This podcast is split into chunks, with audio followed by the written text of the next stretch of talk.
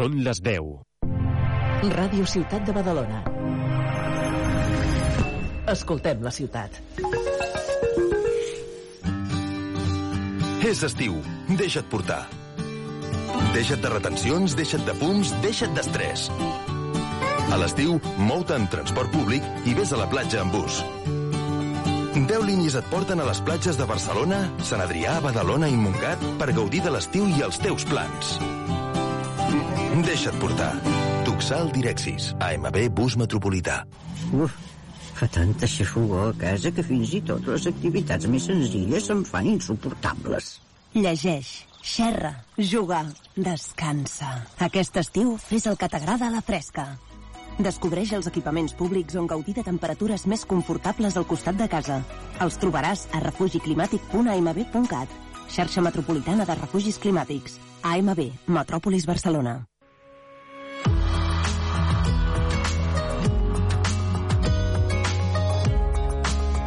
El millor del Badalona matí. Seleccionem els millors moments del programa. Badalona matí. Els millors moments. Els millors moments.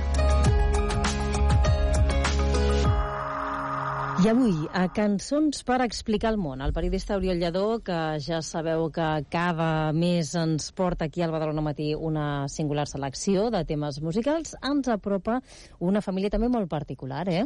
Molt Sí. bon dia, Oriol. Molt bon dia, però deixarem que es presentin ells i que ho facin de la manera que ho fan els músics. Meet the Wainwright on the train, the boat, the bus. Join the family. Come on, rub elbows with us. We're the Wainwright. That singing family. For five days and five nights, come sample our reality. In Alaska, that wild and Doncs bé, uh, sota aquesta aparent alegria, no?, estil uh, Broadway, i disfressada, doncs, això, d'una ironia molt marcada de la casa, un humor uh, molt àcid, amb moltíssimes referències doncs, a la política nord-americana, a la música pop, etc. Uh, veiem això, uh, moltes anades i vingudes, alts, baixos emocionals, uh, d'una família, d'una família que comparteixen um, doncs, l'ofici, no? que és uh, l'ofici doncs, de, la, de la música, del, del, del, del cantar, amb compartir, amb, amb convertir els seus discos, convertir les seves cançons en una mena de divan en la qual doncs, aboquen doncs, totes les seves uh, frustracions, uh, retrets, decepcions, fracassos, alguns èxits, alguns moments bonics, no? I en tot cas, una cosa una mica mm, particular. Uh, són, són molts intèrprets, de fet hi ha el, el patriarca, no?, que és el pare, que és el Loudon Wainwright, tercer, els seus fills, el Rufus Wainwright, que de fet ha acabat sent sobretot a Europa, més conegut que el, que el propi pare, la seva filla, la Martha, uh, una altra filla d'una altra dona, que és la, la Lucy, la Sloane, que és la seva germana, i les seves dones, perquè una primera dona, que era la Kate McCarrigan,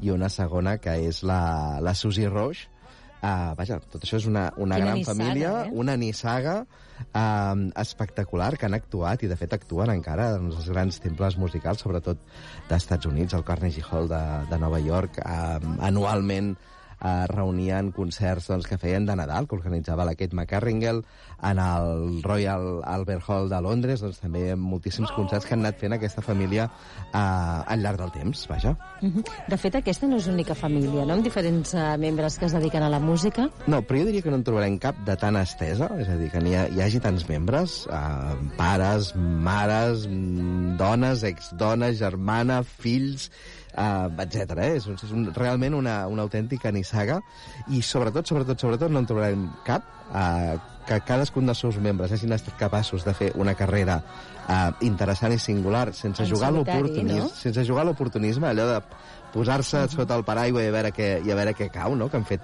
altres fills d'intèrprets famosos. Per tant, tots ells han trobat el seu to i la seva manera de, de fer i el que és el tret diferencial. Jo crec que ells um, han convertit això, les seves cançons, en aquest gran divan en el qual podem reconstruir uh, la vida d'una família um, amb tots els seus clarobscurs, i això jo crec que és bastant, bastant inèdit, no? Sent allò a cor obert, sense concessions, sense endolcir res, i, vaja, fent, fent com una teràpia no? en cadascun dels discos.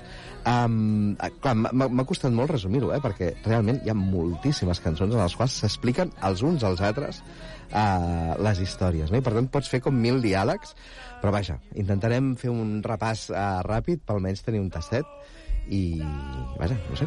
Doncs uh, comencem. Recordeu, però, abans d'entrar en matèria, que totes aquestes uh, cançons que avui ens proposa l'Oriol Lledó les trobareu també, les anirem comentant i després les podreu trobar tant al blog de, de l'Oriol, eh, com també enllaçades a Spotify o a Tidal, també. Sí, I, si et sembla, doncs comencem pel recorregut professional del pare. Ah, exactament. De fet, uh, Loudon Rain de tercer és nascut a Chapel Hill, Un Carolina nom de del Nord. monarca, eh? Sí, sí, de fet un nom... De fet, és fill d'una família d'allò d'aquelles amb moltes arrels eh, nord-americanes. De fet, el seu pare eh, era un periodista bastant conegut, editor de Life eh, Magazine, la seva mare era una professora de, de ioga. Ell ha fet d'actor, de fet va ser un dels intèrprets de la sèrie MASH, que en el seu moment doncs, va ser una sèrie molt, molt, molt referencial, no? I finalment ha acabat sent això, un cantant uh, inclassificable. Um, és el clàssic liberal d'esquerres uh, nord-americà, Um, és una persona molt coneguda um, als Estats Units, no? en part per aquesta vida tan, tan, tan curiosa i en part també una persona que ha participat molt doncs, això, eh? amb, amb, amb, a nivell artístic, a nivell polític, etc etc. En tot cas, ha cantat la paternitat, jo crec que com, com ningú, eh? i amb tots aquests uh, clarobscurs, i ha trobat una manera de fer-ho, no?, amb una humanitat eh, desbordant, eh, transgressora, no?, transitant allò, a vegades, el retret mm, allò afilat, no?, que fa mal fins i tot quan, fill, el, eh? quan el sents, no?, amb confessions despullades, no?, um, també d'una tendresa, mm, vaja, de posar els, els pèls de punta, no?, amb una expressió que ell fa servir, no?, eh, en realitat ell sempre diu que ell ha acabat expiant els seus pecats en, en les cançons. En tot cas, fem una breu repassada. Uh, he escollit dos cançons i, vaja, anem amb la primera.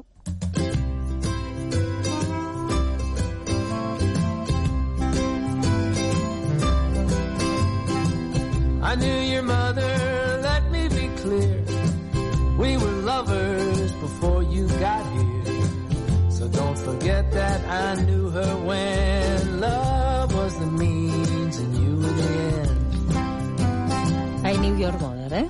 Sí, de fet, um, és una de les moltes cançons que dedica al seu fill, al Rufus. Um, coneixia la teva mare abans que tu naixessis, no? I, i, ens, I ens anava molt bé. Clar, i a més a més els nens et diuen no, jo ja hi era, no? Els No, no, no, no, jo quan coneixia la teva mare i ens Clar. anava molt bé, no? Té un punt, no?, de nyec. Um, de fet, hi ha una altra cançó que també és molt coneguda, que és el Rufus is a tit man, no? En Rufus és un home de pit, de, de teta, no? Um, a la qual també Cosa que a mi em desplaça. projecta, projecta un gelos, no?, que és un tema molt tapat, uh, però que, que hi és, no? De fet, és aquest Loudon Renright que ho canta tot, i ho aboca tot, fins i tot el que és uh, políticament incorrecte. Hi ha més cançons, eh?, molt divertides del, del, del moment del Rufus, no? Hi ha una que és el Lullaby, no?, la cançó de Bressol, que és sisplau, o sigui, posa't a dormir ja. El que passa que és molt divertida perquè és un text uh, molt dur, no? molt desesperat, però amb una música de cançó de bressol, no? I això uh, ho, anem, ho anem veient, no?, amb, amb moltes cançons. En tenim una altra, en aquest, en aquest cas, l'altra que havia seleccionat, uh, no està dedicada al Rufus, està dedicada a la Martha.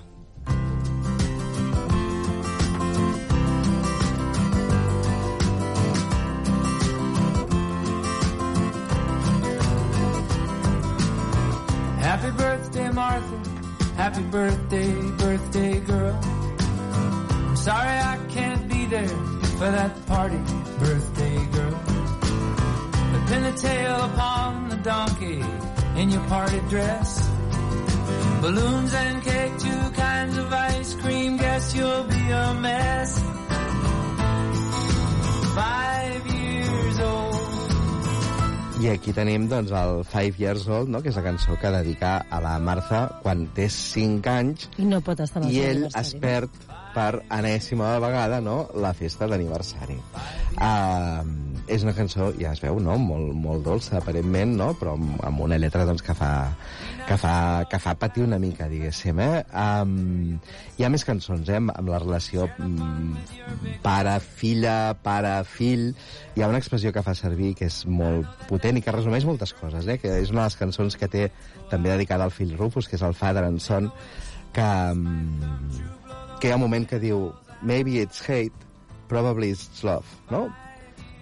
Potser és odi, però segurament és amor, no? És aquesta ambivalència en la qual es mou, es mou el personatge.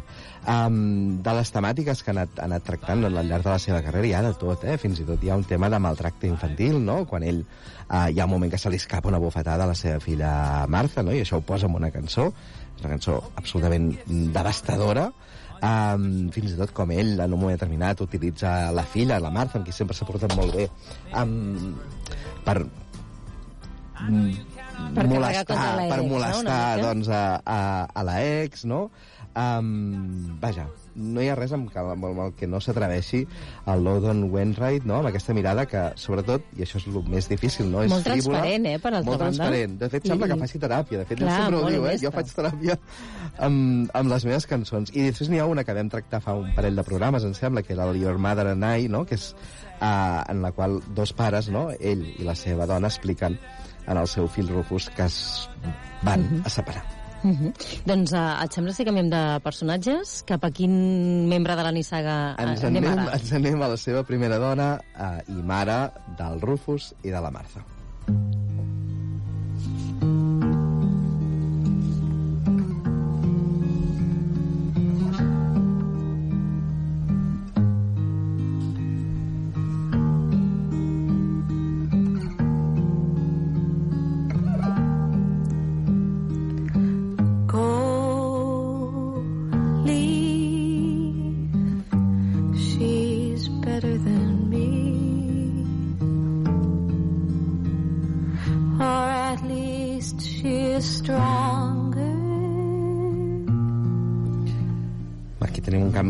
registre, eh? És una cançó d'aquelles de, de, de molt, molt, molt intensa, molt, molt íntima. És la Kate McCarringle, la seva, la seva dona, que amb la seva germana, la, la germana és McCarringle, sobretot als Estats Units, Canadà i Anglaterra durant els anys 70 eh, van ser molt, molt conegudes i, molt, i realment molt apreciades, no?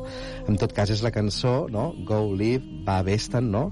que li dedica la Kate McCarringle quan el senyor Loudon, tan, tan eixerit ell, eh, decideix deixar-la quan està embarassada d'un nen, no sé si és el Rufus o de la Marta, vaja. En tot cas, li dedica aquesta cançó. En el mateix dia després hi ha una cançó quan es retroben, eh? Vull dir que aquí no és només el Loudon que explica a cor obert les històries, sinó que també, També doncs, ella, la, eh? seva, la seva dona. Déu-n'hi-do. Um, anem per un altre tema musical? Sí. Vinga. No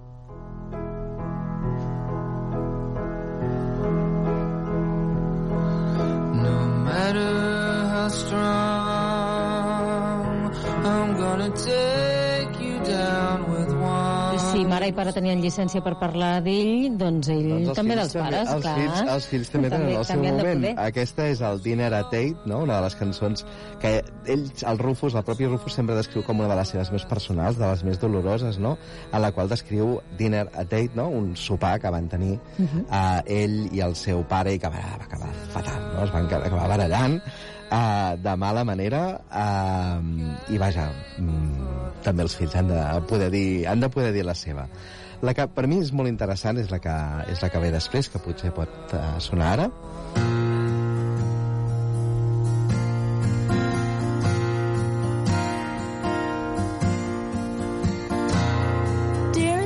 With your songs, do you hope to right your wrongs?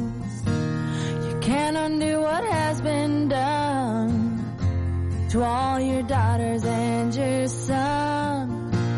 The facts are in and we have found. Doncs bé, aquesta és la Marta, és la que ens faltava, no? Um, en tot cas, jo he fet una traducció una mica lliure d'aquesta cançó, d'algun dels trossos d'aquesta cançó, perquè crec que ho resumeix tot. És el um, father and daughter dialogue, no? El diàleg uh, Entre el pare i la pare, filla. pare i la filla. Um, la cançó vindria a dir així, eh? Uh, Estimat papa, amb les teves cançons esperes convertir en encerts els errors. però no pots desfer allò que vas fer a totes les teves filles i al teu fill. Aquests són els fets, i així els cantem. Que si ho haguéssim de resumir diríem, no, tu no hi vas ser. Estimat papa, pots intentar-ho tantes vegades com vulguis. Pots fer una cançó i titular-la Pare i fill. Però tot el que vas fer va ser fugir d'ell. Cames, ajudeu-me. I ell, una mica més endavant a la cançó, és un, és un duet, no? El Loudon Reindel li respon, estimada filla, que no ho veus, que aquest que canta no sóc jo. És la persona que a mi m'agradaria haver estat. El que jo no sé com es fa, aquest paio que canta ho broda. Sé que la vida és més complicada que tot això, sé que no només són cançons, que són la vida real, però és potser la meva manera d'expiar la culpa amb el que canto. Tela, no? És a dir... És que és, és excel·lent, és, sí, sí, sí, sí. És A nivell, excel·lent. a nivell de qualitat uh, literària és una passada. No hi eh? ha una pel·lícula sobre aquesta família? Mira, hi ha, Ja un, fan tard, hi, ha un, hi ha un llibre que només us dic el títol i amb, això, i amb això acabem. És la seva biografia que diu sobre pares i nens, sobre ex i excessos, sobre la mort i la decadència i algunes de les altres meves coses preferides. És la biografia del Lothar Wainwright. Doncs vinga, a veure si la, si la trobem perquè no té desperdici. Moltíssimes gràcies, Oriol, Gràcies. per haver-nos portat aquesta nissaga avui al Badalona Matí. I know life's messier than that. They're just songs and life is real. They're just my version how I feel. And you How it went down or it should go. My mistakes you label wrongs. I expiate my guilt with songs. Why I'm uptight or not around. Those whys continue to confound. Darling daughter, can't you see? The guy singing the songs ain't me.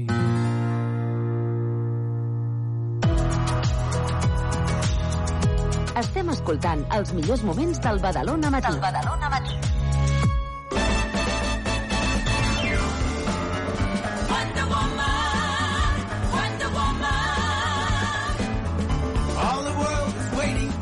I a aquesta hora del matí del que toca parlar és de sèries. I ho fem com sempre amb la Marta Torres. Com estàs? Molt bé, Bé? i tant, sí, sí. Avui de què parlarem, Doncs l'altre dia em preguntaves... Sí, em preguntaves sobre eh, sèries d'adolescents, on Sí. sortissin adolescents, o els agradessin els adolescents. No sé si els agraden o no, però sí que hi surten.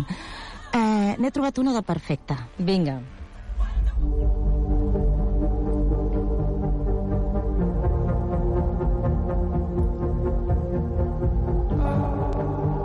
Doncs aquesta música misteriosa és d'una sèrie que es diu Red Rose i es troba a Netflix.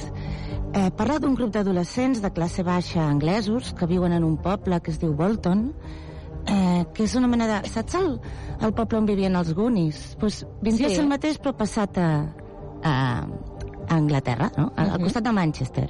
I aleshores eh, és un bon dia, la Rochester, que és una noia de, del grup, rep una notificació al mòbil per descarregar-se una aplicació anomenada Red Rose. Eh, el que no sap és que des d'aleshores la seva vida estarà en perill.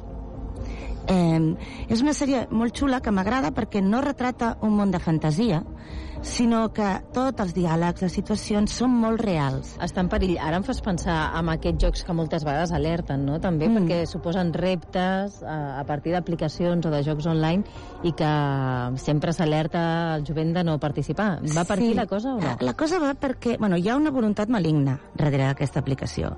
I una mica el que fa servir són els rumors per mm, destruir-te la vida. Uh -huh.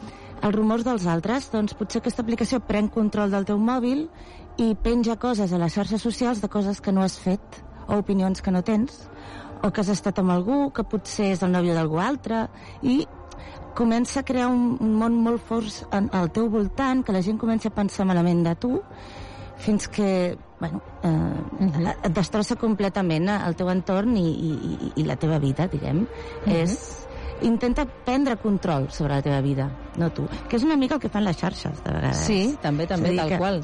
Potser és molt exagerat, però bueno, aquí també hi ha alguna cosa molt real no? darrere de tot això. Dius que et recorda a pel·lis de malediccions tecnològiques, eh? Sí, la, les pel·lis de principis dels 90 japoneses que parlaven com eh, Llamada Perdida, per exemple, uh -huh. O The Ring, no? que en aquests casos, Llamada Perdida eren telèfons, era que si et trucaven en aquest telèfon moriries directament. I hi havia una altra que és que si veies una cinta de vídeo doncs ja et passava la maledicció i en aquest cas no és una cinta de vídeo perquè han passat els anys, és una aplicació mòbil. És, és una miqueta la posada del dia d'aquesta mateixa tipus de contingut, no?, de terror, però que està molt bé i, i retrata molt bé l'essència de ser adolescent, que és que no et cregui ningú. Això és ser adolescent, no? Pues en aquesta noia no la creu ningú. Anem a per la següent proposta. Seguim amb més malediccions tecnològiques.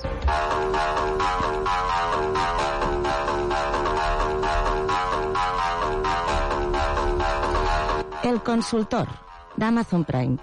Eh, comença molt fort. Eh, aquesta és per persones una miqueta més grans, diguem.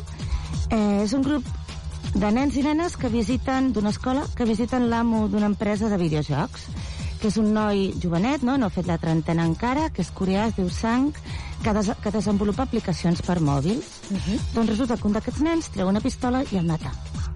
Així, així comença la sèrie. Tu et quedes, eh? Perdó? Bé, aquí hi ha alguna cosa... D'excursió i la cosa que va així, Sí, no? sí, sang. així. Uh, aquí ha passat alguna cosa. Uh, els, la gent que hi treballa pel sang no, no, no s'ho acaba de Mhm. creure, no? Fins que arriba per la nit uh, un senyor estrany, un senyor amb un malatí, que és consultor i diu que ha signat un contracte amb el sang i que a partir d'ara ell es farà càrrec de l'empresa.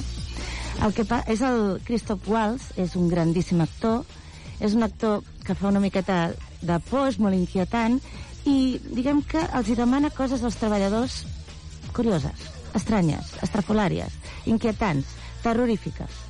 Eh, Els truca a les 3 del matí i els diu que tenen 40 minuts per venir, encara que vinguin de l'altra punta del país, uh -huh. si no està fora, coses així. I comencen a investigar i es veu que tots els empresaris que han signat un contracte amb aquest consultor han mort en estranyes circumstàncies. I el contracte està signat, per tant... Sí, va signar un contracte amb el sang. És com vendre's l'ànima al diable, uh -huh. una mica. I aquest senyor és el diable que ve a intentar comprar l'ànima dels treballadors també, d'alguna manera. Eh, no sé, enca... vaig pel segon capítol, estic molt enganxada, però encara no sé de què va. Però està molt bé. Però t'agrada. Sí. Que ja sí, és sí, molt. Sí. I bé, també hi ha aplicacions mòbils, videojocs, uh -huh. tot Això així que també enganxa els adolescents, eh? És, Sí. Això és veritat. Molt bé. Més investigacions? Seguim amb investigacions i adolescents, però en aquest cas amb dibuixos animats.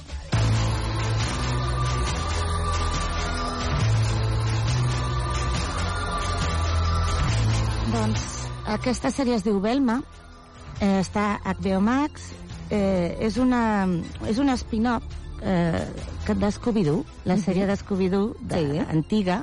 Doncs ara ens hem fixat en el personatge, diguem, més intel·ligent de tot el grup, que era la noia amb.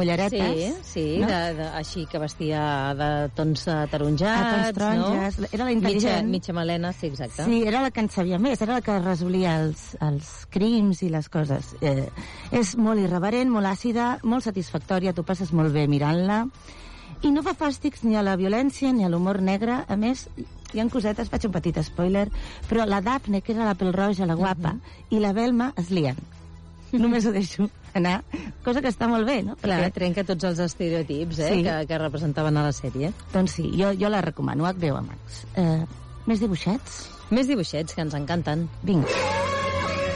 ¡Tiene cuernos! ¡Ha salido su padre! Creo que yo soy el padre.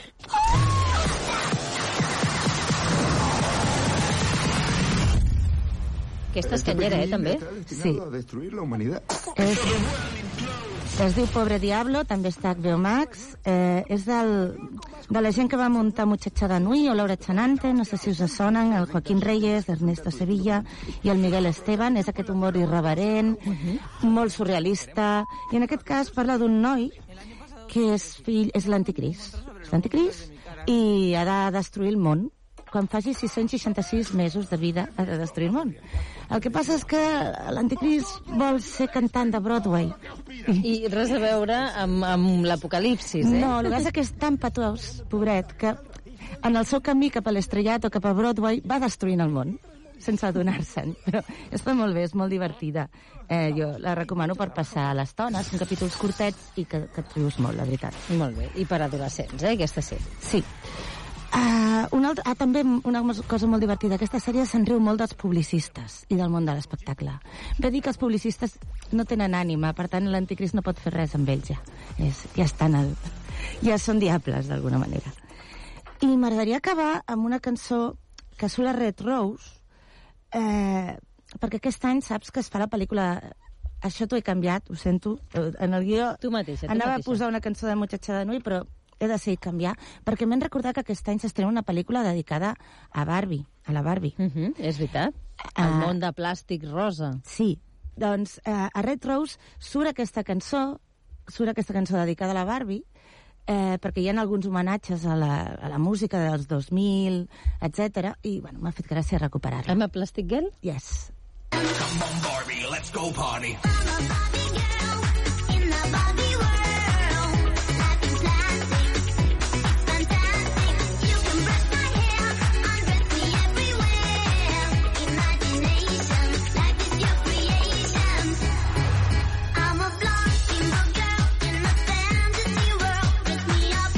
posat a ballar, sento, quedaria escoltant-la. És que no passa, aquesta cançó. Oi que no? No. No, no, és divertida, està bé. Com la pel·li, que mira, ara torna. A veure què Veu- fan. Això, veurem. Ja l'analitzarem amb la Marta Torres. Moltíssimes gràcies per acompanyar-nos un cop més, Marta. A tu. Cuida't, que vagi bé.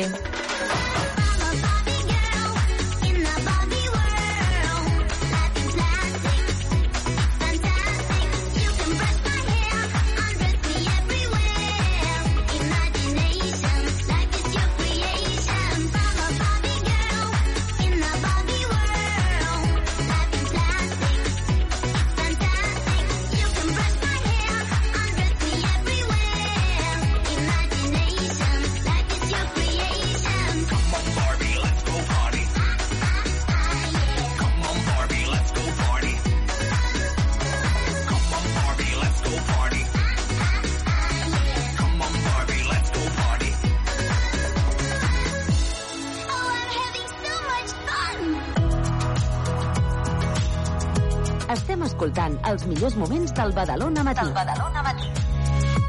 Tenim avui a la Laia Martínez, què tal? Per parlar de fòbies, Laia? Parlem de fòbies, Núria, que hi ha Ai. moltes i molt diverses i algunes ben estranyes. N'hi ha de divertides? No, una fòbia no. Sí, Pues, i- sí? Hi ha de divertides, bueno, d'aquestes que dius, en sèrio? Aquesta persona pot tenir fòbia a això? De veritat? doncs sí, això existeix. Vinga. Uh, val, anem a començar primer preguntant-te si tu tens alguna fòbia. Mm, ai, mira, el, els escarbats. Ah. No és fòbia, eh? Però és que és allò, és entre fòbia i fàstic. Sí. A les paneroles aquestes que arriba l'estiu. És que ahir vaig veure una i ja és com, ai, no. No, ja tornen. A més, Sí. es calen per les parets, no? Sí, sí, sí, és, és molt escarós. Um, com que és una secció d'influencers, primer començarem parlant sobre alguns famosos i les seves fòbies. Uh -huh. Vinga. Perquè veiem que tothom les té. Clar. Mm, cap persona se'n salva. Um, la Uma Thurman i el Matthew McConaughey, per exemple, tenen claustrofòbia por als espais tancats. Aquesta és bastant habitual. Sí, aquesta, aquesta sí. sí. En Johnny Depp i en Daniel Radcliffe tenen culrofòbia, que és terror als pallassos. Ostres. He de, dir, he de dir que a mi em fan una miqueta de por, eh? Sí que és veritat que... és veritat. Tu has visit, no? Saps que és la meva pel·li... No, no, anava a dir preferida, però de por i relacionada amb pallassos, m'agrada molt.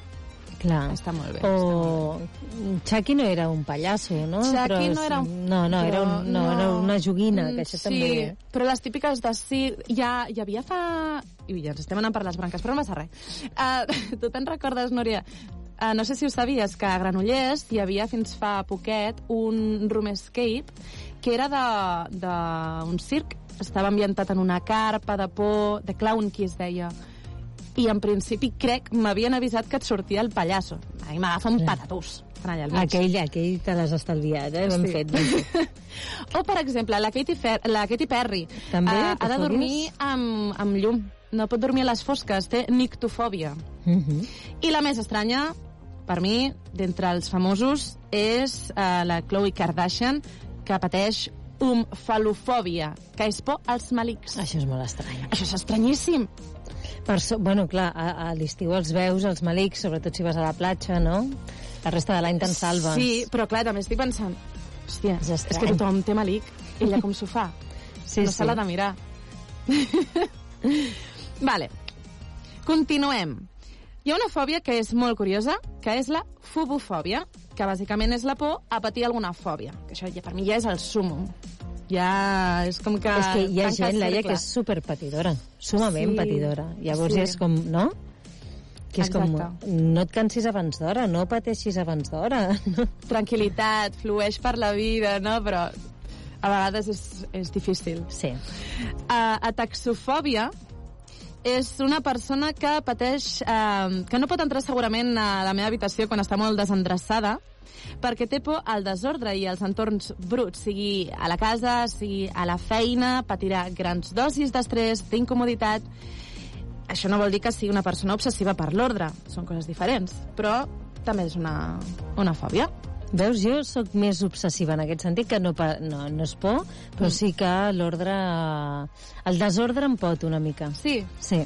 A mi em passa que a la meva habitació estic desordenada, però, per exemple, quan vaig a un supermercat i veig alguna cosa que està... Fora de lloc, Fora de lloc. t'inquieta. no, la col·loco. Quins nassos, Laia.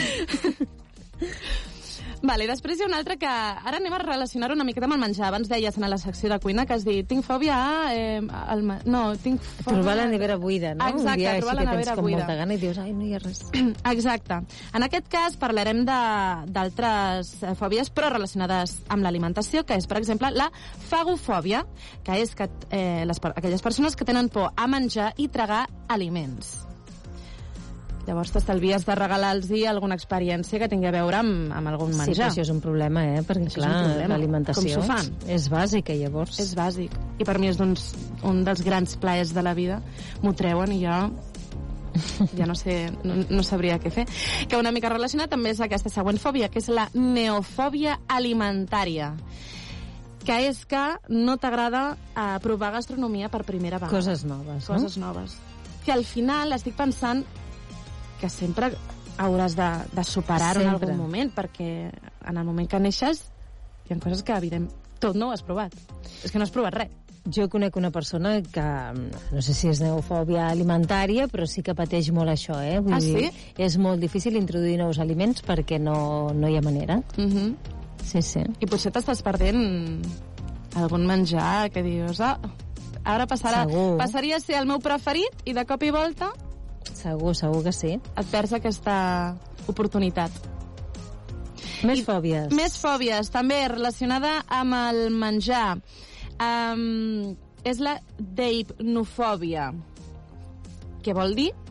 Que et costa moltíssim, et costa horrors menjar amb altres persones. Suposo que entenc jo que va més relacionat amb el fet d'escoltar com menja l'altra persona... Pot ser, no? El soroll... No ho sé, que això sí que a vegades molesta, depèn de com ho faci. Sí, però tant com perquè et faci por... Clar, clar. és que jo crec que a vegades eh, barregem molt això, no? El que jo et deia de les paneroles, entre Mhm. la por i el Sí. fàstic, no? És Sí. allò que crides i que pujaries a, no? A, o tancaries la porta o Ah. t'allunyaries d'allò, és una mica per, les, per els dos sentiments, no? Por i Clar. fàstic alhora. Exacte. Incomoditat, és allò de... Mhm. No pots, no pots. Val, umbrofòbia. Què és la umbrofòbia, Ni Núria? És la por irracional a la pluja, però fins als extrems que tampoc suportes la seva olor, els forts sorolls dels trons, dels llamps... És com que la idea de mullar-se per la pluja... eh, Aquesta sensació de fàstic que no poden. I, sí, sí, i per mi és eh, un dels grans plaers, perquè quan plou, que estàs, jo que sé, per exemple, estàs estudiant o estàs llegint i, I vas sentint el sorollet, no? oh, Sí. I ha, veig que hi ha una fòbia que afecta el 25% dels humans. Quina Sí. és aquesta? La tripofòbia, que en aquest cas a mi també m'afecta, des que era molt petita, que és que no suportem els forats agrupats, les figures geomètriques molt juntes... Jo us Sí, tu, tu jugar al Comecocos no? No, aquest, aquesta, per exemple, no, o sigui, no, aqu- aqu- aquesta imatge no em fa fàstic. Però si busqueu tripofòbia al Google, mm, segurament us incomodarà una miqueta.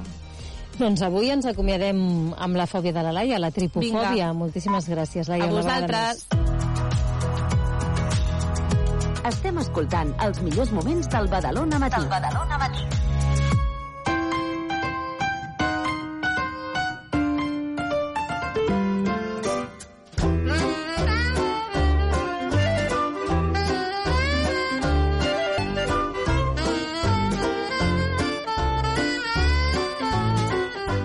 Com m'agrada aquesta melodia, perquè ja l'escoltes i de cop i volta dius, mira, va, anem a fer un saltet. Un saltet ara fa 100 anys. T'hi amb en trobes ja, Jordi... eh? T'hi Oi que sí? Sí, sí, sí. Amb en Jordi Martí. I és que ja sabeu que cada mes amb ell repassem què era notícia a l'Eco de Badalona ara fa 100 anys. Quines eren les notícies que recollien els mitjans eh, locals a la ciutat de Badalona. Exactament, és allò que diem. Què diria la Núria Rodríguez de fa 100 anys al Badalona Matí el mes de març de 1923? No sé, ara que venim de celebrar el Dia de la Dona, si hi havia moltes dones ara fa 100 anys treballant en mitjans de comunicació. Seria de mirar-ho. És curiós, sí, sí, potser sí. Mm, no sé si tantes com ara, evidentment que no, però alguna n'hi hauria haver, sí. Doncs eh, potser algun dia tenim temps i ànims de fer la cerca, però segurament seria molt interessant. Vinga, anem a començar a fer aquesta ullada a ara fa 100 anys a l'Eco de Badalona.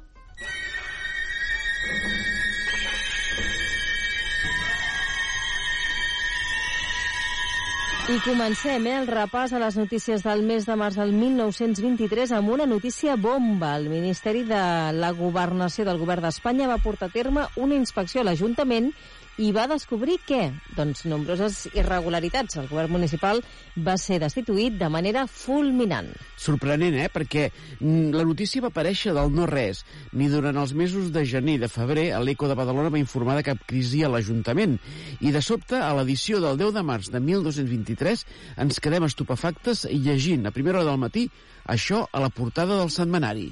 Por disposición del señor ministro de la Gobernación, el gobernador civil ha ordenado se girase una visita de inspección a este ayuntamiento. La sinceridad es el camino más corto y, sinceramente, hemos de declarar que la disposición gubernativa entraña una gravedad que no es posible negar.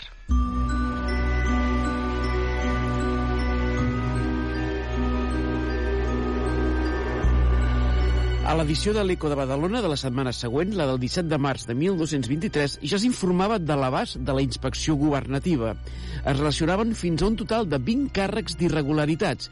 Irregularitats de tota mena, construir una claveguera sense fer la subhasta, fer la claveguera sense plànols ni tècnics, mala gestió de la comptabilitat municipal, construcció del nou cementiri de Sant Pere sense seguir, sense seguir els procediments administratius, en fi, un seguit d'irregularitats que van tenir un desenllaç dolent. Suspensión del ayuntamiento. Bajo la presidencia del delegado gubernativo, se celebró sesión extraordinaria del Pleno del Ayuntamiento. Diose cuenta de un oficio del gobernador en el cual, en virtud de los cargos formulados por el inspector que inspeccionó los servicios municipales, se decretaba la suspensión de los concejales de la mayoría. L'alcalde Joaquim Pujol va ser destituït de forma fulminant i Martí Cabot va ser nomenat nou alcalde de Badalona. Va ser un ple molt tens. Quan es parla de la majoria, es fa referència als membres del govern de Badalona. Escoltem la crònica de la tensió viscuda. El señor Queral, concejal de la mayoría, hizo uso de la palabra para protestar de la decisión del gobernador, tomada sin que formulara contra la mayoría cargo alguno que demostrase malversación de los fondos comunales y sin esperar a la defensa. El delegado dijo que no se permitía discusión alguna. Como el señor Queral intentaba continuar hablando, el delegado gubernativo levantó la sesión ordenando el despeje de la sala.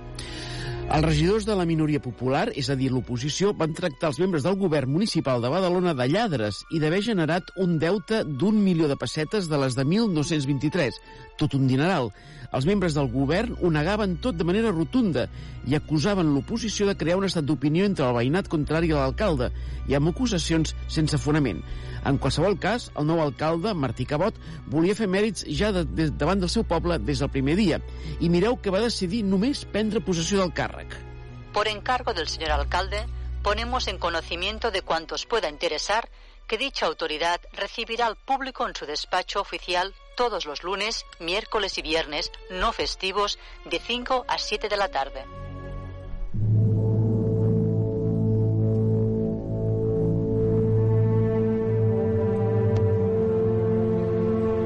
I si començàvem el mes de març eh, d'una manera negra pel que fa a l'Ajuntament de Badalona, no el seguíem eh, de manera molt diferent, eh? I és que hem de parlar d'un assassinat que va tenir lloc demà, divendres, 10 de març, però de fa 100 anys, el de Salvador Seguí, el noi del sucre. Efectivament, els anys 20 del segle passat eren anys molt turbulents. El pistolerisme, és a dir, assassins a sou de la burgesia que mataven líders obrers, es feia present dia sí i dia també. El 10 de març de 1923, demà farà 100 anys, era assassinat a Barcelona Salvador Seguí, i l'Eco de Badalona se'n va fer ressò amb un breu. Deia així. Como protesta, el pasado martes cesaron en su trabajo numerosos obreros de esta ciudad como protesta por el asesinato de Salvador Seguí, Noi del Sucre, perpetrado el sábado en la vecina capital. Un text breu, molt breu, massa breu, per donar una notícia d'una importància capdalt. Salvador Seguí era, recordem-ho, sindicalista, el més estimat de Catalunya. Va ser assassinat quan sortia del bar La Trona del carrer de la Cadena de Barcelona. Avui aquest carrer ja no existeix perquè les actuacions urbanístiques dels últims anys, per exemple, el barri del Raval, ha fet desaparèixer aquest carrer. El 10 de març del 23, Salvador Seguí va quedar al Cafè Tostadero de la plaça Universitat amb el seu amic Lluís Companys. Un cop es van acomiadar i separar, tres pistolers el van seguir fins al bar La Trona, on el van assassinar. Demà farà 100 anys. A Badalona van haver-hi protestes i a Barcelona greus aldarulls. Tants que el noi del sucre va ser enterrat de matinada i d'amagat. Tot i això, a Badalona, els obrers van parar per honorar la seva memòria.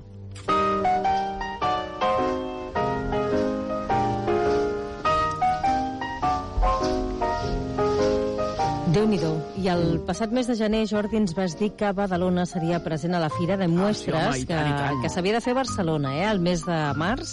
Com va anar aquesta fira? Una fira que, comparada amb l'actualitat, seria tan important com ho ha sigut el Mobile World Congress, amb 100 anys de diferència. La fira de, de, de Fira de Mostres, la Fèria de Muestres que es deia aleshores, va anar molt bé. El 17 de març de 1223 es va inaugurar aquesta fira i l'Eco de Badalona ho va recollir així. La Feria de Muestras, inaugurada brillantemente la cuarta Feria Internacional de Muestras de Barcelona. En la misma ha alcanzado notoria importancia la representación que de nuestra ciudad ha concurrido, demostrando una vez más la potencialidad fabril e industrial de Badalona. Va ser tanta l'empenta que es va donar des de l'Ajuntament a la presència de Badalona a la fira que el propi Ajuntament va, regular, va regalar una gran bandera de Badalona que es va establir a la Fèria de Muestres. Allà hi va, hi va onejar ben formosa durant tots els dies. Podem estar ben tranquils, doncs, perquè ha quedat demostrat que Badalona va quedar ben representada a la quarta Fèria de Muestres de Barcelona del març de 1923. I és que a Badalona sempre parlem d'aquest llegat industrial de la ciutat, però és que en aquells moments eren anys eh, justament d'esplendor, no? Eufòria, eufòria absoluta, sí, sí. Pel que fa a fàbriques tèxtils, químiques i tantes altres que hi havia a la ciutat de Badalona Sí, sí. ara fa 100 anys. I parlem també d'un mitjà de transport que justament anava també molt lligat a aquest apogeu de la indústria a la ciutat de Badalona i no només a a Badalona sinó a tot el Maresme. Eh? Parlem de trens i parlem de tramvies.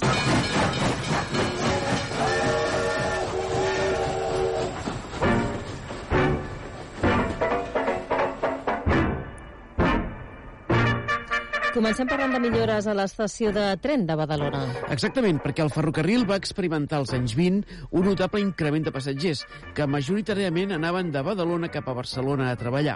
L'Eco de Badalona publicava el 3 de març del 23 una informació que feia referència a l'ampliació de l'estació del tren de Badalona. Deia així... En la estación de tren se trabaja en la modificación de la actual distribución de las vías y andenes con objeto de que sea posible aumentar el servicio de trenes de esta ciudad a Barcelona y a la vez facilitar la comodidad de los viajeros al subir y bajar de los coches. Les obres de millora a l'estació del tren de Badalona tenien per objectiu, doncs, posar més vies on poder estacionar els trens i van durar diversos mesos. I ara passem a parlar del tramvia que unia Badalona amb Barcelona.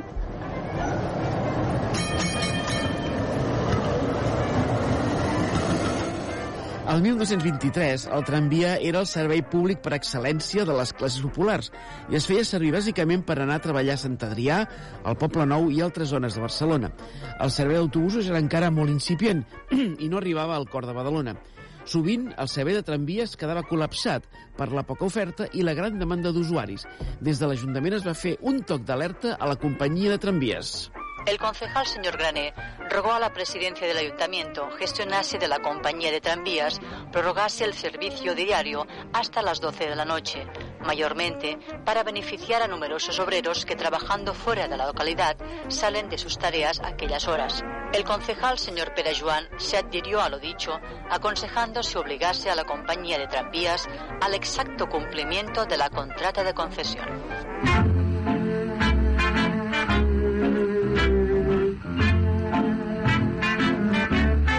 Obrim aquell capítol que podríem titular Fets i gent. Mhm. Avui amb dos noms propis, Pompeu Fabra d'una banda i de l'altra Duque de Solferino. Dos noms molt diferents. Comencem pel primer. Comencem per un, un nom propi en majúscules, Pompeu Fabra, el mestre Fabra que va viure a Badalona més de 25 anys, des de l'octubre de 1212 fins a l'any 39.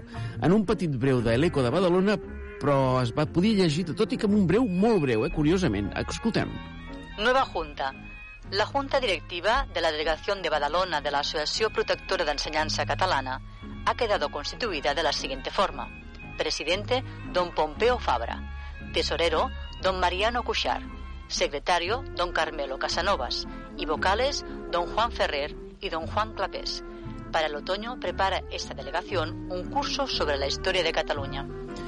Breu, una sola línia, eh? El, el president de la delegació de Badalona de l'Associació Protectora de l'Ensenyança Catalana era Pompeu Fabra. Anomenat en aquest breu Pompeo Fabra, Sí, eh? sí, sí, per sí. tant, eh, important almenys que garantissin o preservessin el nom de l'associació en català, no? Almenys sí, però el nom era Pom- Pompeu, sí senyor. Durant els 25 anys que Pompeu Fabra va viure a Badalona, també fer una mica d'aquí de, de pedagogia, va tenir tres domicilis. El primer, al carrer Reial, avui carrer de Francesc Lairet, el número 164, que era una casa humida i freda en la qual s'havia de posar barret, guants i abric per treballar i no entumir-se. El segon domicili va ser a la Rambla, el tros anomenat de Santa Madrona, el número 33, i allà hi va viure poc temps. Finalment es traslladà a la casa més coneguda i típica de Badalona, al carrer de la Mercè 34. Aquí va viure 10 anys i és la casa que més recordem els badalonins. Van oír de este boogie boogie el compás. Oh, oh, oh, oh, que cantaré a todo gas. El boogie. I l'altre nom propi era el del Duque de Solferino. Uf, aquest, aquest és un d'aquells temes que avui ens costa de creure que passés, cent anys més tard. Recordem el que va passar. A la carretera que porta fins a la Conreria, a dos quilòmetres del centre urbà, hi havia una font que estava situada en una finca que era propietat del duque de Solferino. La gent feia servir aquella font per berenar, trobar-se, jugar als infants i festejar els més joves. Però es veu que al duque de Solferino no li feia gràcia que les classes populars fessin servir aquella font i va anunciar que en tancava l'accés. Des de les pàgines de l'Eco de Badalona, un tal Salvador Requesens implorava, implorava al duque que no barrés el pas de la gent de Badalona. Notem el to de la súplica. Nos hacemos cargo que la determinación de cerrar la fuente la motiva y la justifica el poco respeto ajeno a las plantaciones a ella lindantes. Sabemos la ingratitud y el mal comportamiento de cierta gente de un nivel moral nulo, reñida con los buenos modales y las sanas costumbres. Nosotros rogaríamos al señor Duque de Solferino buscase una solución que no privase del precioso elemento a cuantos usamos de él.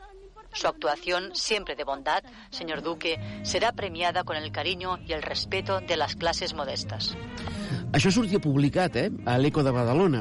Però qui era aquest duque de Solferino? Era Luis de Llanza i de Bobadilla, de professió polític i aristòcrata.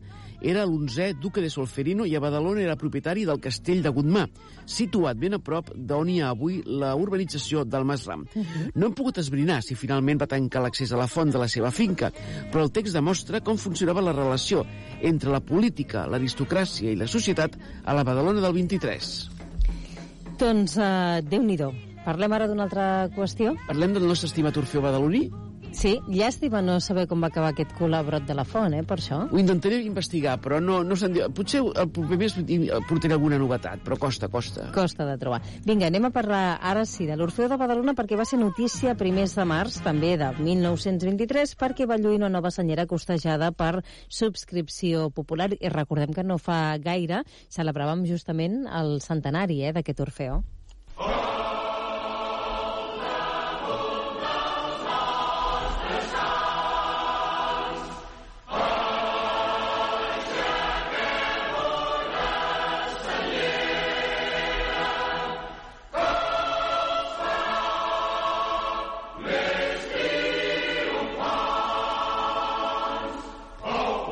L'Orfeó Badaloní era una de les entitats més potents de la Badalona del 23 i això es va posar de manifest quan mitjançant una subscripció popular es va costejar una senyera que a partir d'aquell moment lluiria els concerts que faria l'Orfeó. Això ho explicava el Eco de Badalona. Con motivo de haber sido costeada por suscripción una artística señera para el Orfeo Badaloní, durante los pasados domingo y lunes se celebraron diversos actos que alcanzaron un éxito por demás lisonjero. Luego, en el local social del Orfeo Badaloní se hizo solemne entrega de la señera, pronunciándose con tal motivo entusiastas parlamentos y cantándose el can de la señera.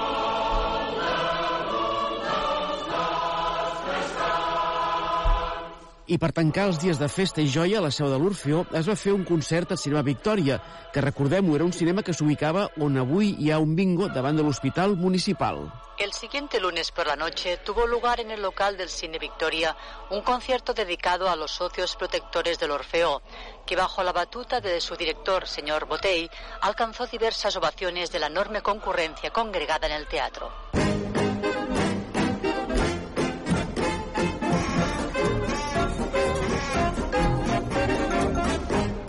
Una nota d'allò que en diríem Ecos de Societat. Una altra entitat de renom a Badalona era la Societat Coral La Badalonense, que encara avui en dia també es manté. Eh? Avui es pot veure la històrica façana d'aquest edifici al carrer de Francesc Lairet, entre els carrers de Sant Anastasi i de Jaume Borràs. A tocar de l'edifici del Cèrgol. Per tal, si, si hi passeu, doneu un cop d'ull, perquè és ben curiós veure-ho. Eh? En parlem perquè era una entitat molt estimada també a la Badalona, a la Badalona de 1923. I tant, aquest edifici del que ara parlaves, Núria, la seu de la Societat Coral La Badalonense, va, inaugurar, va ser inaugurat el 27 d'octubre del 17. I era tant la volada que tenia aquell 1223 que un lector de l'Eco de Badalona li va dedicar un poema que va ser publicat a tota pàgina. El poema portava per títol El cafè de la Badalonense i n'escoltem un trosset. És un cafè democràtic, lo que es diu per excel·lència, per la seva concurrència i fins té piano automàtic que a més de ser bastant bo, per la Jota Estefalera, i és perquè la consergera diu que és filla d'Aragó. I amb aquest bonic poema, noteu la indirecta també del bonic poema, acabem el resum de les notícies més importants de la Badalona del mes de març de 1223. Ara fa 100 anys, un mes molt intens. Potser bonic o de molta categoria literària, no, però és molt graciós. Exactament, eh? per això l'hem diu- posat. Clar, i diu molt també doncs, de, de com la gent del poble s'estimava les fonts, l'Orfeó i també la Badalonense. Moltíssimes gràcies, Jordi Martí, una vegada més per fer-nos viatjar a 100 anys enrere. Ens tornem a veure ben aviat. Correcte, el mes d'abril. Que vagi molt bé.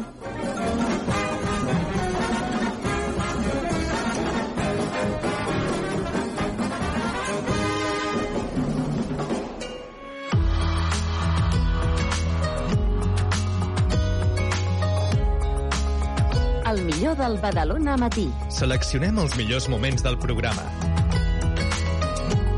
Badalona matí. Els millors moments. Els millors moments.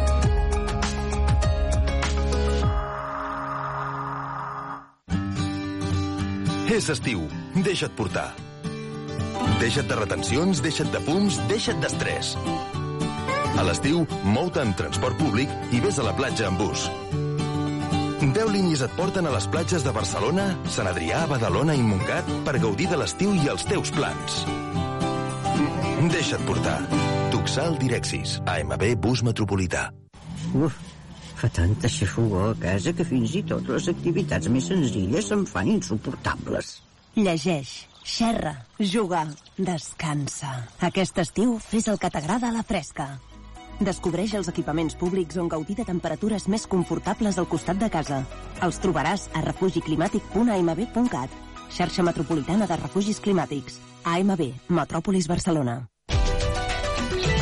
Ràdio Ciutat de Badalona. Changed myself for you.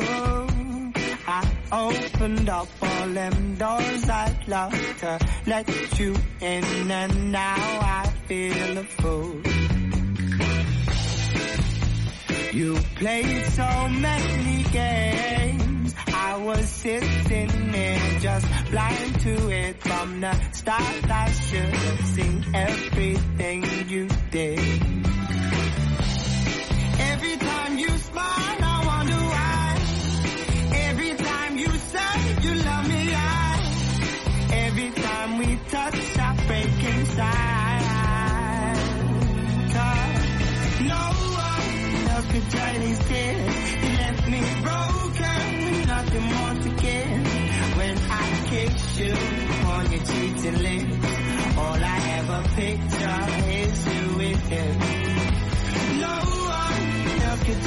tears.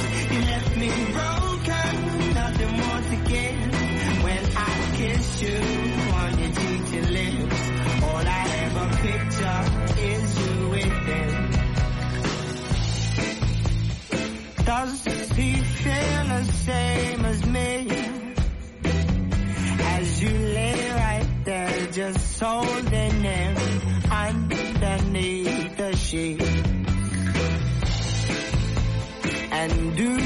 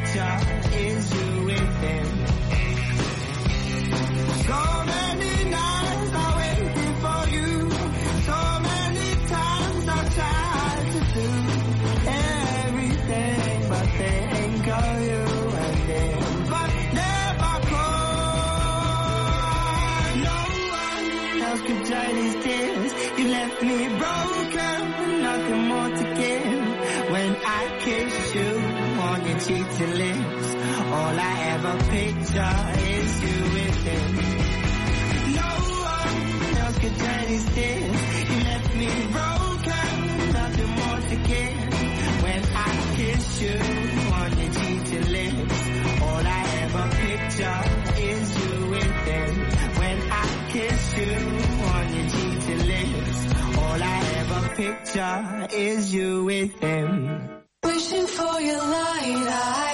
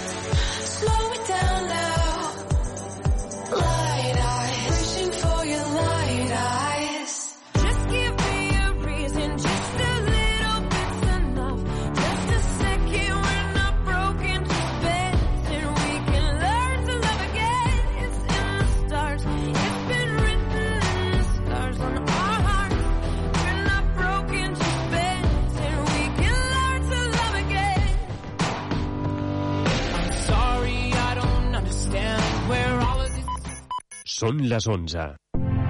Ràdio Ciutat de Badalona. Escoltem la ciutat.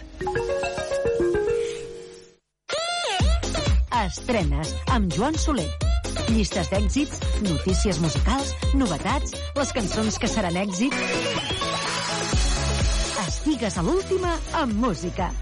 Estrenes.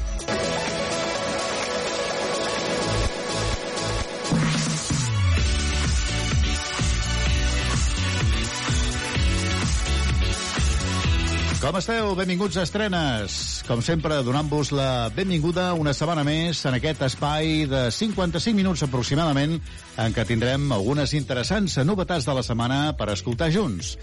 Comencem, doncs, amb el més nou d'una banda eh, o duet que arriben des de Vic, amb un so fresc i actual, i amb aquestes noves sonoritats i amb personalitat arriben els Pegi 21. La seva cançó es diu Metro.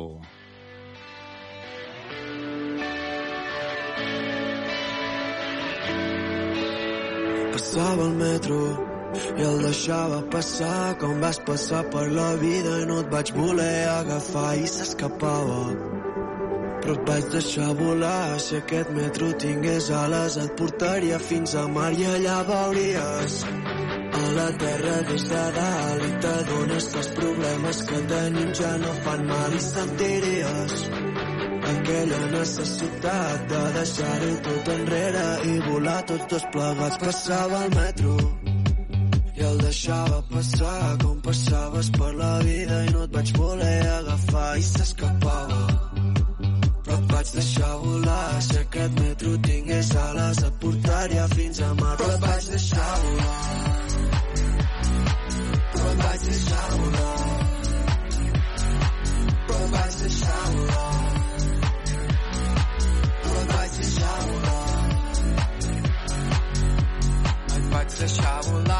No m'importava. Confiava tu sempre tornaves. Sortia sol i tu t'allunyaves i ara no miraves. Mirades fins que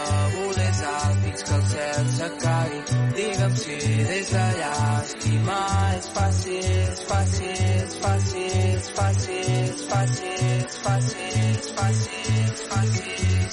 Passava el metro i el deixava passar com passaves per la vida i no et vaig voler agafar i s'escapava. Però et vaig deixar volar, si aquest metro tingués ales et portaria fins a mar, però et vaig deixar volar. Cap al cel i els planetes van flotant. Donem voltes a la lluna sense un final. I em treus tota l'energia quan estic al teu voltant, al teu voltant. Tu i jo tenim sort d'estar l'un de l'altre, però amb el temps fa difícil poder oblidar-te. Junts arribar grans, res és com abans. No puc treure del cap la teva mirada. Passava el metro i el deixava passar com vas passar per la vida no et vaig voler agafar i s'escapava. Però et vaig deixar volar, si aquest metro tingués ales et portaria fins a mar. I allà veuries a la terra des de dalt i t'adones que els problemes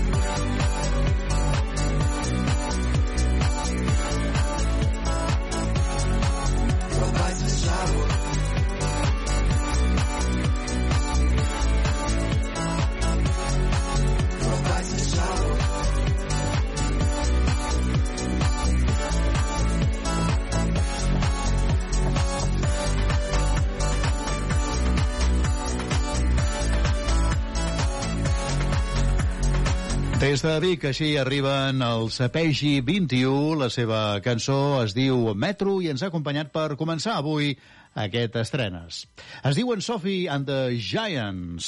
És un grup anglès i amb la participació del DJ alemany Purple Disco Machine ens presenten junts aquest Paradís Paradise.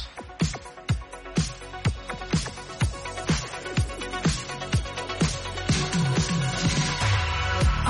overtime, tired of my nine to five.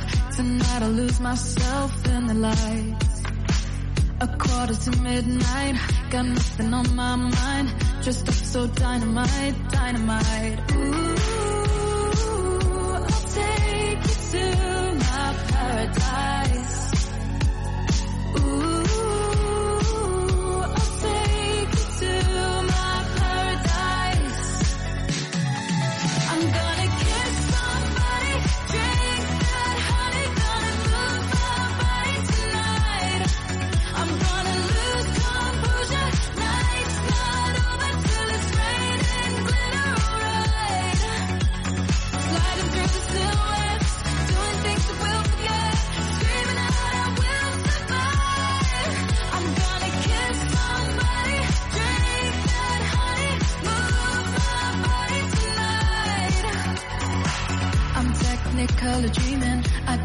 The spotlight. I know you wanna get closer underneath the neon lights. Don't stop till I say it's over. Just wanna touch your emotion. Let me get lost in the moment. Ooh, I'll take you to my paradise.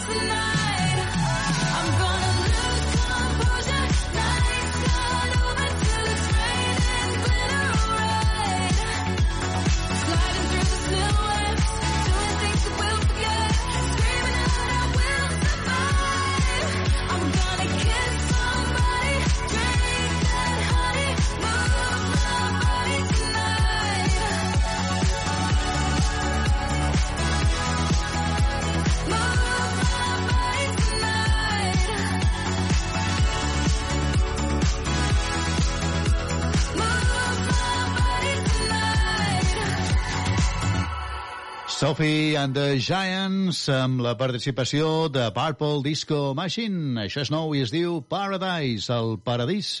Miquel Abres també ens acompanya ara mateix amb la seva nova cançó. Es diu El meu cant és lliure. En un món que ja no ens estima pas, el meu cant és lliure i clar. Ets tu, a la immensitat que ens envolta avui, més enllà del límit sé que hi ha un futur. Vola sobre crítiques que dolen i tu et sents més forta, més segura. Tot això només ho fa l'amor, el veritable amor. En un món que tu presonera et sents, respirem la llibertat, tu i jo i la veritat. Sempre avançarà trepitjant estigmes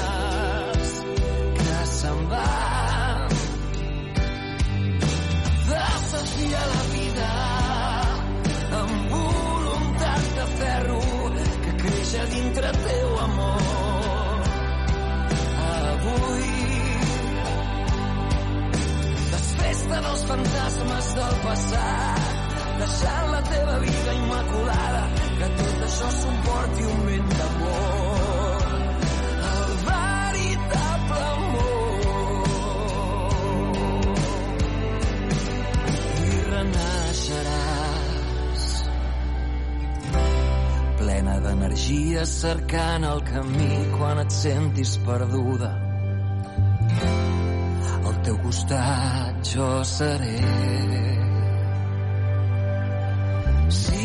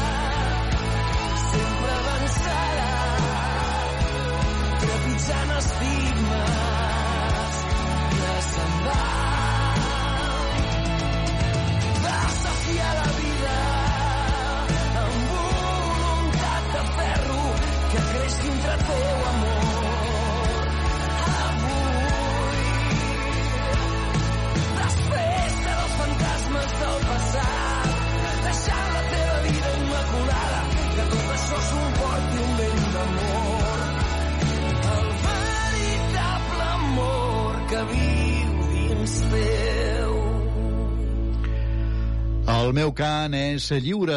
Miquel Abres fa aquesta peculiar versió d'un dels temes importants de l'italià Lucio Battisti del 1973, ja fa d'això 50 anys. Des de la Bisbal d'Empordà, doncs, ens ha acompanyat Miquel Abres també en aquest camí que fem en aquestes estrenes d'aquesta setmana.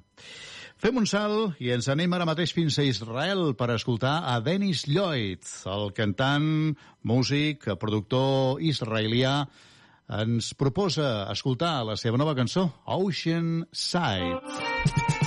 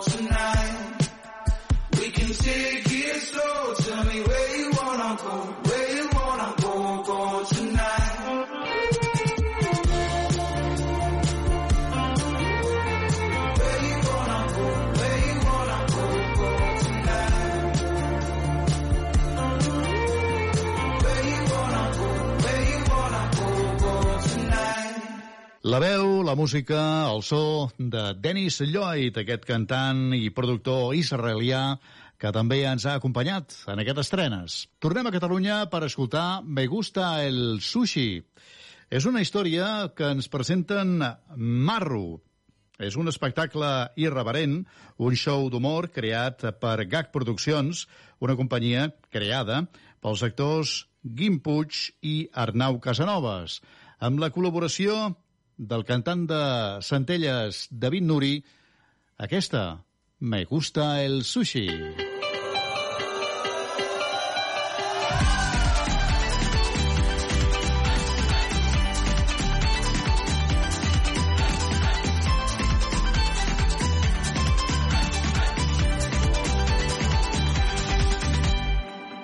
Ja cansat de fer swipe.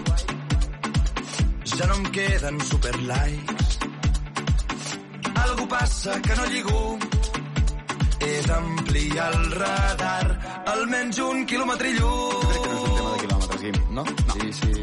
Tira, tira. Canviaré el meu perfil El faré molt més molon Mostrar els meus braços de marfil Que tothom pensi quin tiarrón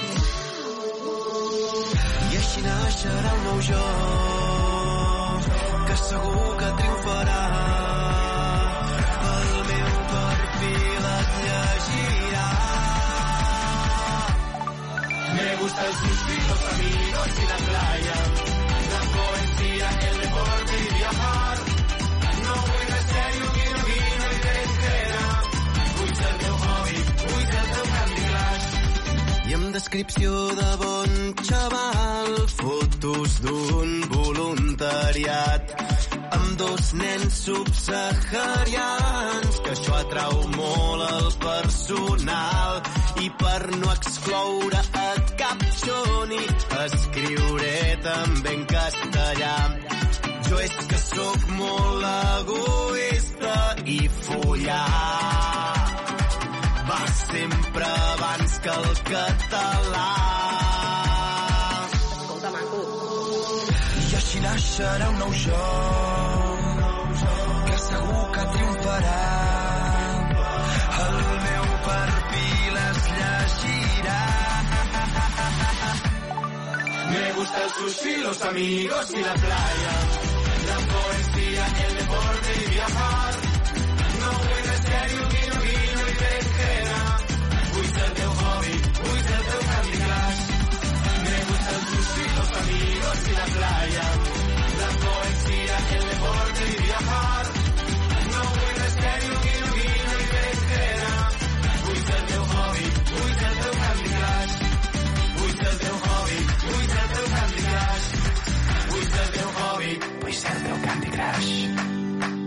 Marro és aquest espectacle, un show d'humor creat per GAC Produccions, una companyia creada pels actors Guim Puig i Arnau Casanovas. Aquesta és una de les cançons que hi trobarem, podríem dir, dintre de la banda sonora d'aquest espectacle i amb la veu de David Nuri, que ell és un cantant de Centelles, ens han acompanyat també en aquest estrenes que segueix el seu camí i ara mateix ho fem escoltant a Tom Greenan. Ell és un cantant anglès i la seva cançó que ha donat a conèixer aquesta setmana es diu Before You.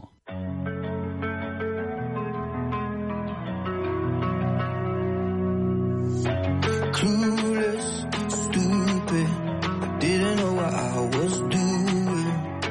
I just needed waking up.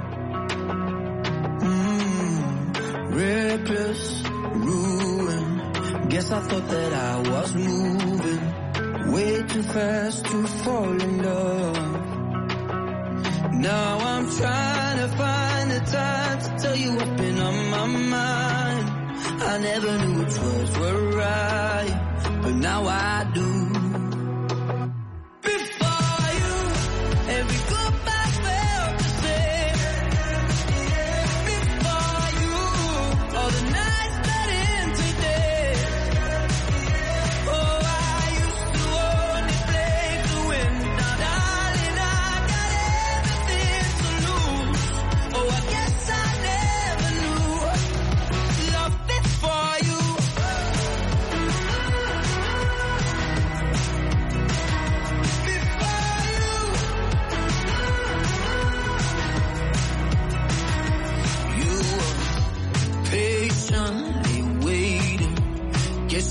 I needed saving. Had to work it out for myself. Now I'm trying to find the time to tell you what's been on my mind. I never had someone to fight for, but now I do.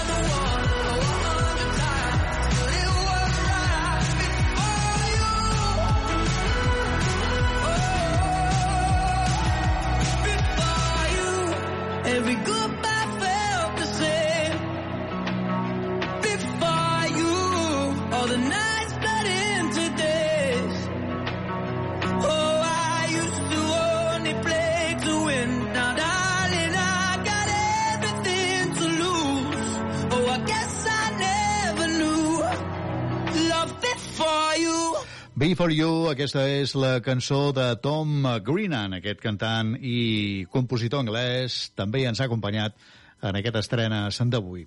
Es diuen Kilòmetre Zero, és un septet format per diferents músics de Catalunya i aquesta setmana tenen nova cançó que es diu Part de mi. És una part de mi, l'amagava dins i ara vol sortir. És una part de mi que a lluir. Una part de mi, l'amagava dins i ara vol sortir. És una part de mi.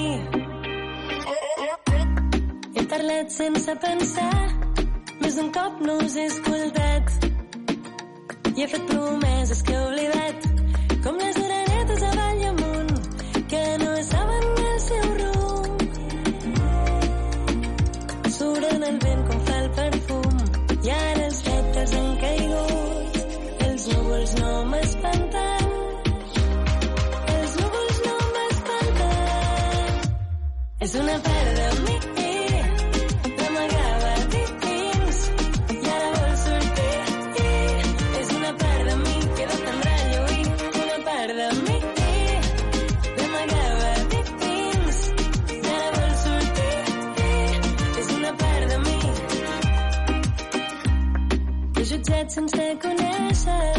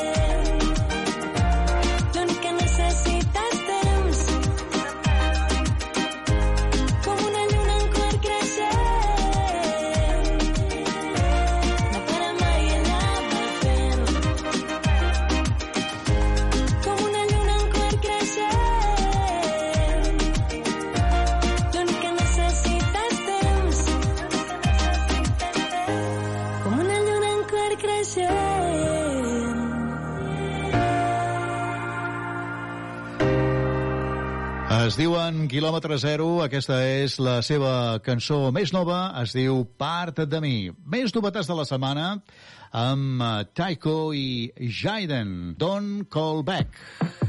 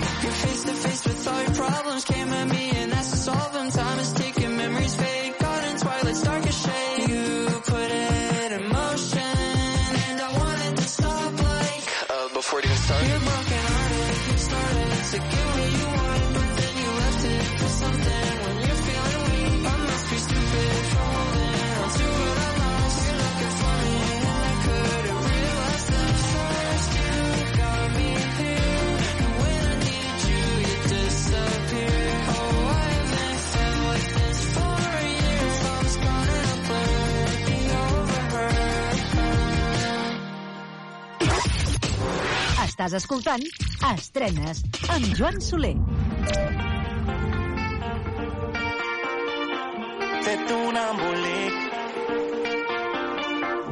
Últim dia d'escola, la mama em dona el berenar. No està fos tant d'hora, anem al parc a jugar. M'ha picat un mosquit, em desperto amb tu al matí. Últim dia d'escola, aquest estiu marxaré d'aquí. Embolic que no s'acabi aquesta nit. La teva olor al meu llit, la nostra història en repeat. Baby, tu saps que no puc quedar-me Llega el niño que te canta, lo baila y te encanta, que gira la mirada, mitja pari però no es cansa. És difícil, eh, culet, tornar a casa. Vull casar-me amb els teus llavis, estar de vacances. Ballant un pas de zebra i tot el món ens mira. Mamma, jo de gran seré un artista. Últim dia de sola i de missa. Que vingui aquí la indústria que jo em moro de la risa. Sona l'alarma, besito amb la calma. Tu saps com cuidar-me. Sona l'alarma, un pacte amb el karma.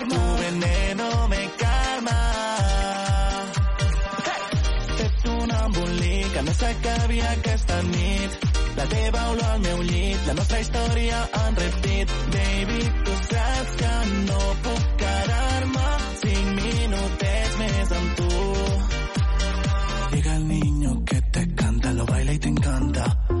Baby, tú ya sabes que no pienso quedarme. Ando despechada, penso que no sé com enamorar-te. Sona l'alarma, besito amb la calma. Tu saps com cuidar-me.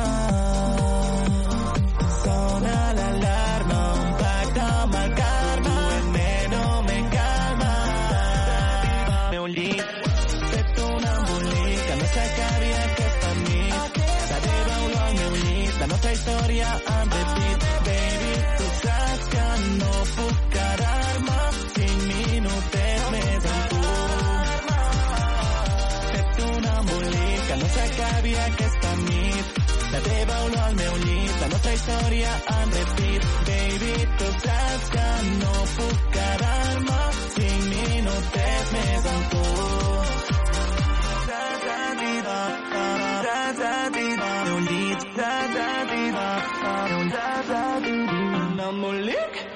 Embolic, aquesta és la cançó més nova d'Albert amb B baixa, aquest cantant del Maresme des de Mataró ens arriba i que va participar en la primera edició del concurs de talents Eufòria de TV3.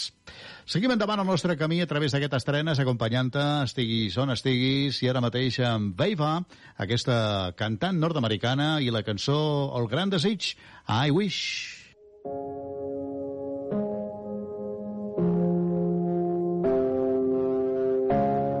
You said I believed you. I gave you all the best of me. Thought I knew the real you. You look like heaven, talk like an angel. I was too quick to trust ya. Bit me like venom, words like a weapon. I was too numb to leave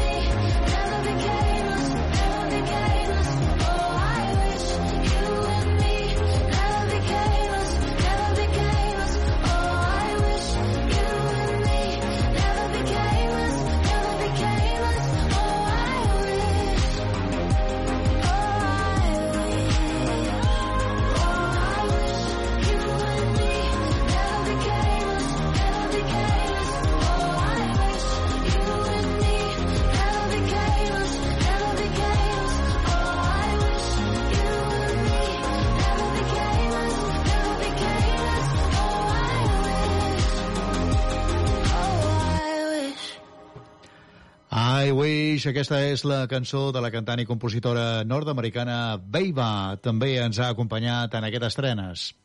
Anem per el més nou i la unió musical dels Stay Homes i The Tiets. Junts ens proposen, aquest estiu sobretot, anar a la platja. Al teteo.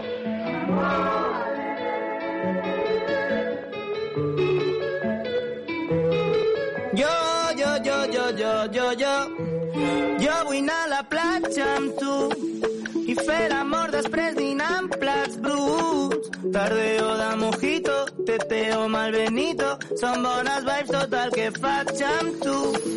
Perquè només puc pensar en tu i tu i tu i tu i tu des de que t'he vist avui, ui, ui,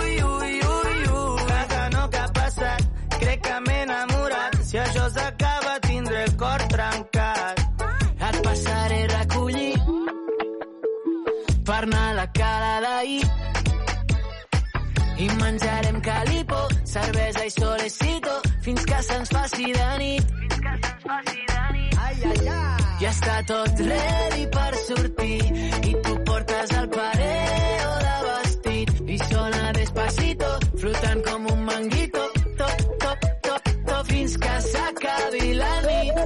Jo vull anar a la platja amb tu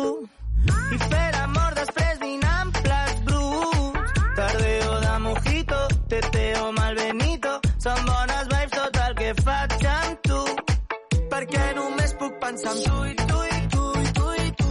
Des de que t'he vist avui, ui, ui, ui, ui. Jaja, no, què ha passat? Crec que m'he enamorat. Si això s'acaba tindré el cor trencat. Amore, tu jo serem portada de la que fa molt de temps que estic amb la Sole i ara només puc pensar en tu i tu i tu i tu i tu Perquè tu sei el mio amore. Tu i jo serem portada de la cuore. Banyant-nos en l'aigua cristal·lina que questa mattina fette pico sole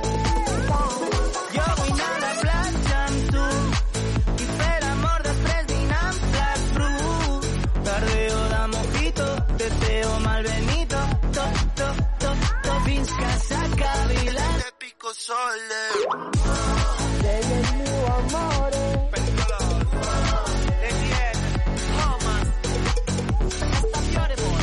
Si això s'acaba tindré el cor trencat. Una cançó ben festiva i ben estiuenca. La platja és la unió musical de Stay Homes i de Tiets, junts per aquesta cançó que aquesta setmana és novetat i que així l'hem escoltada a estrenes. Es diu Kid Travis, és cantant nord-americà i ara mateix l'escoltarem amb Don't Wanna Wake.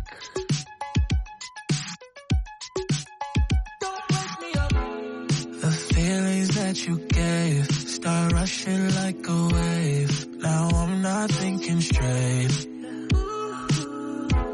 So now you're in my veins. I'll never be the same. I'm calling name. Girl, I'm a mess, obsessed, and you know it's your fault. But now I can't leave you alone. When I fall asleep, I don't wanna leave. Cause you're the dream I don't wanna wake from. Girl, you're such a tease. These colors I see. Hey, you're the dream I don't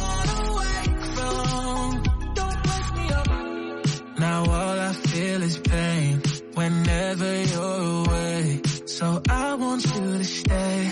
Mhm. Hey baby, come with me. Don't worry about a thing. Cause I'll be on my way. Girl, I'm a mess and obsessed. And you know it's your fault. But now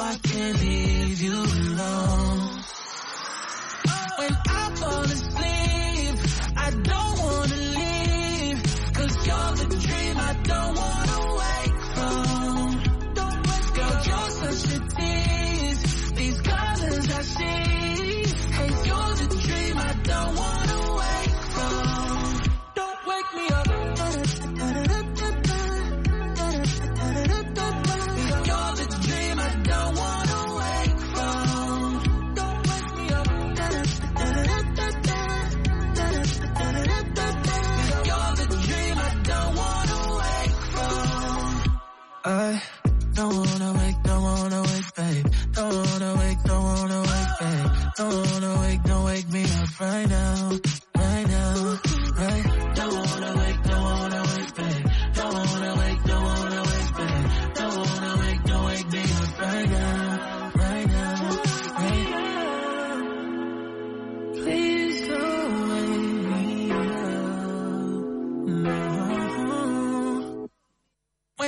fall asleep, I don't wanna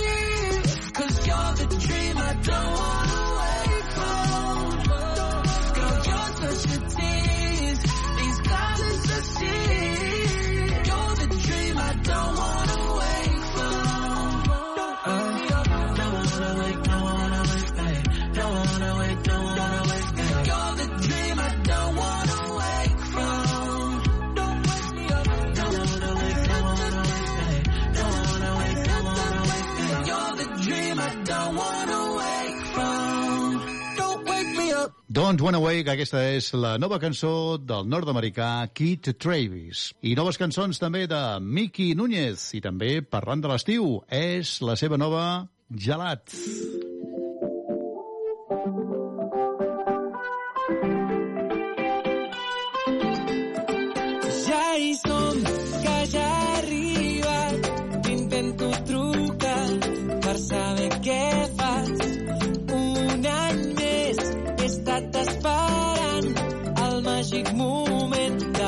passar-te a buscar.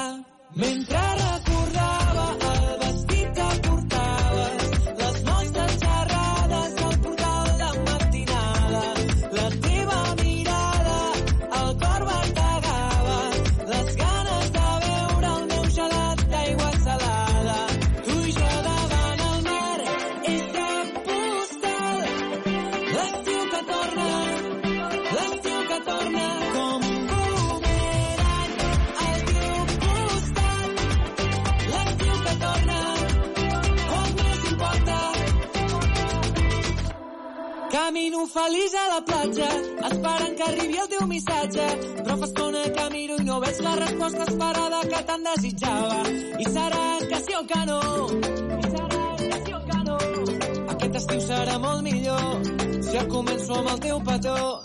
Mentre recordava el vestit que portaves, les nostres xerrades al portal de matinada, la teva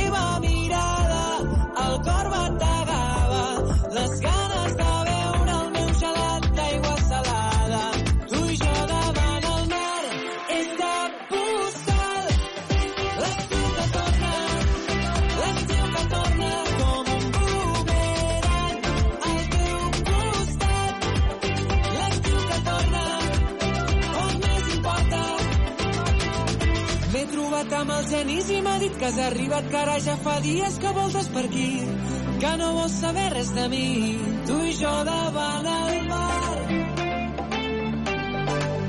L'estiu que torna, l'estiu que torna com un boomerang.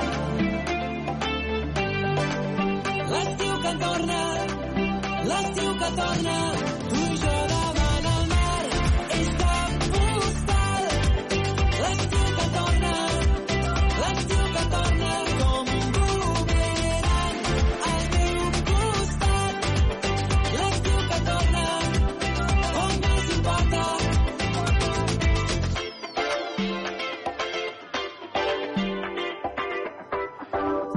La cançó es diu Gelat i evidentment que sonarà aquest estiu. Es diu Miki Núñez, Gelat.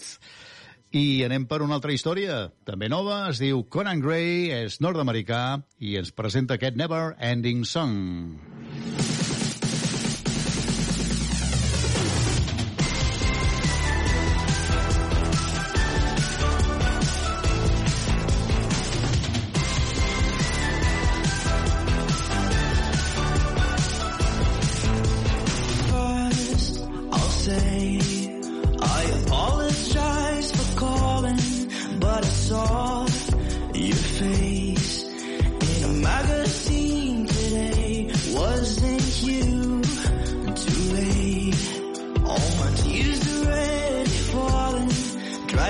burn.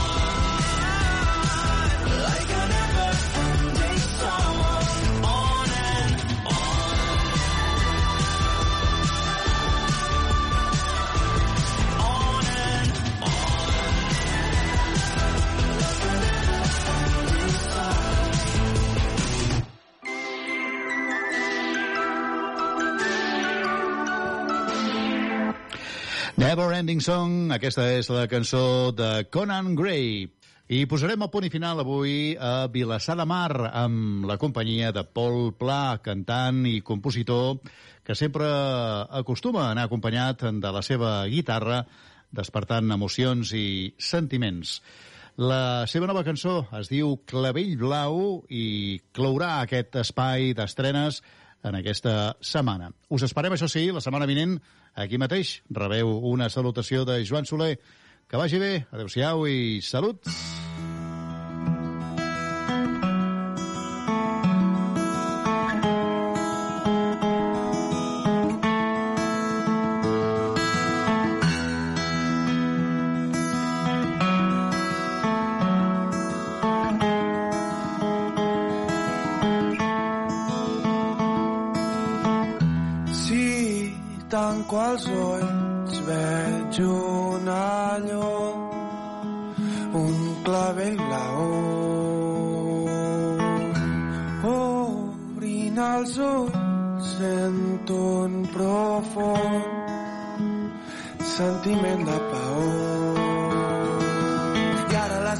brillen, res haurà canviat, l'univers és complicat, difícil d'entendre.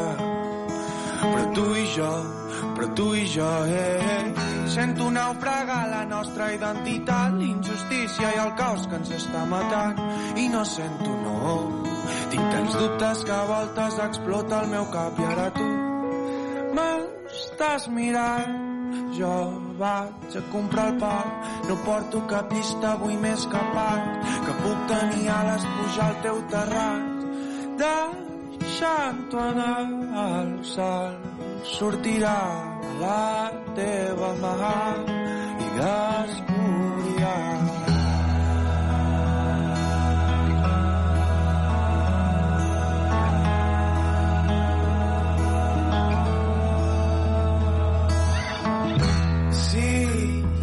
Ulls me'n vaig ben lluny volant pels estrats. Obrint els ulls et veig a tu queda entre nosaltres.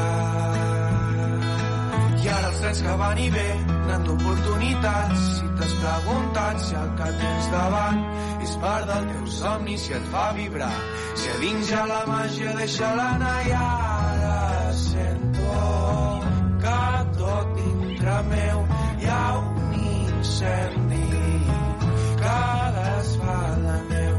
I si et penso o et busco entre la gent sempre et trobo mirant des del cel i ara sento que tot dintre meu hi ha un incendi que desfà la neu.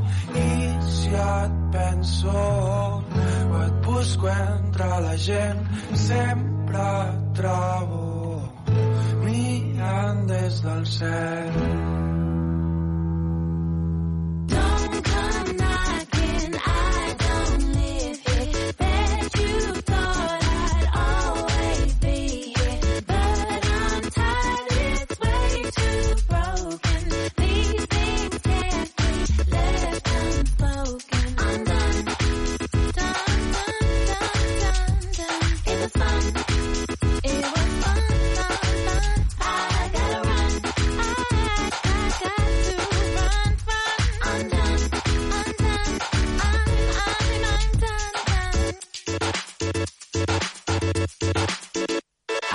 what it is.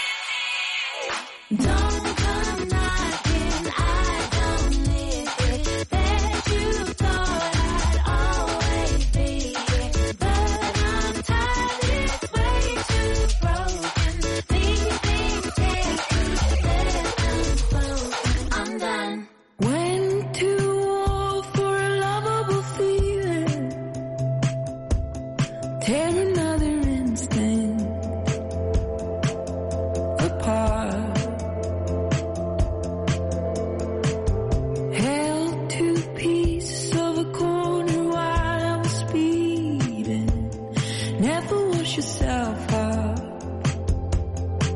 oh, ashore.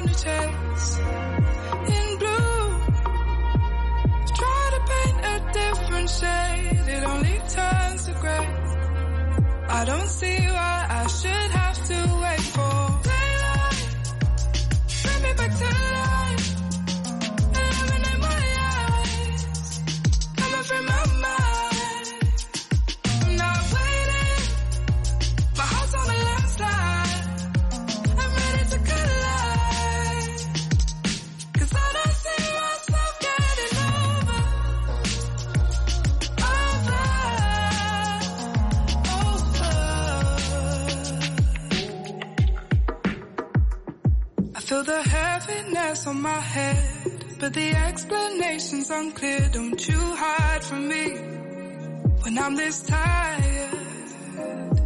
Is there more I'm not aware of? If I break it down, will I still find a bitter taste? I'm terrified. The night comes around so quick these days, and I'm still wide awake. Too much time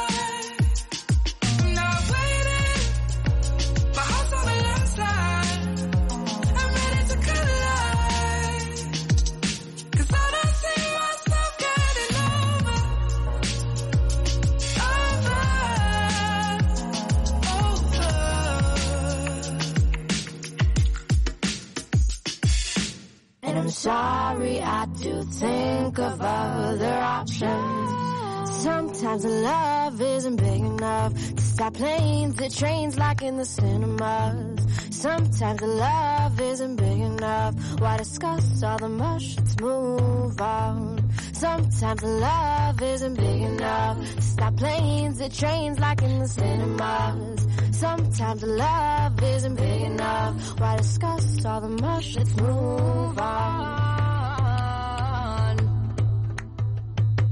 Said I drove to the cave, but isn't the way. It's time to get it out. Even if it felt strange and more too much, hey, I consider that poison. I'm sorry, I do think of other options. Let's be real, we're only holding back while we're talking. And I'm sorry, I do think of other options.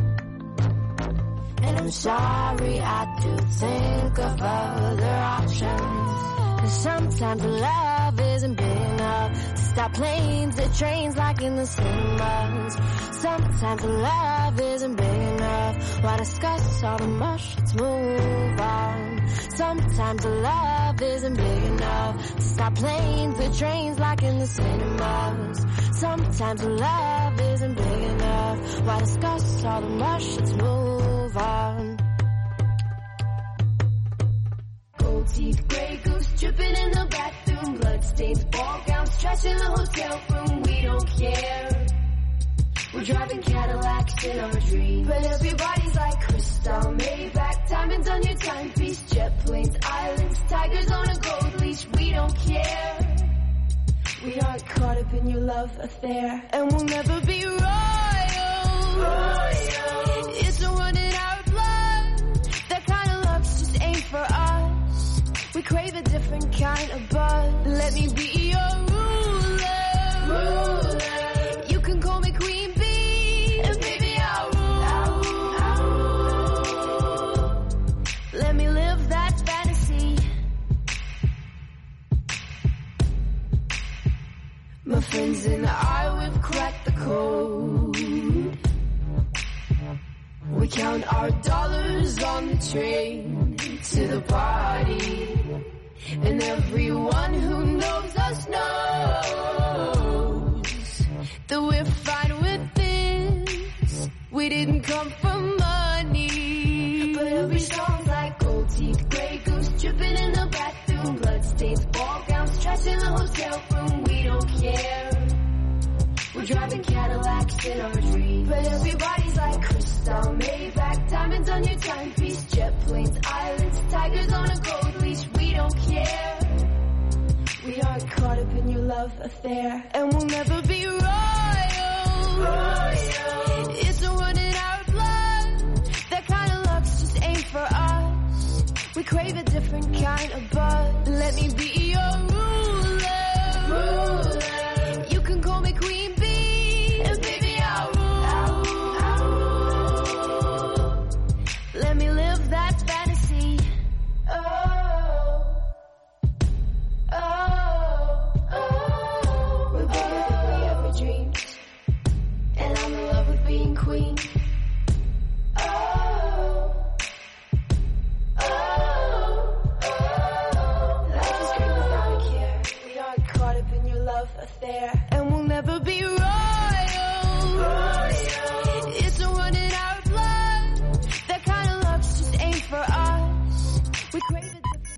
Són les 12. Ràdio Ciutat de Badalona. Escoltem la ciutat. Ruta 60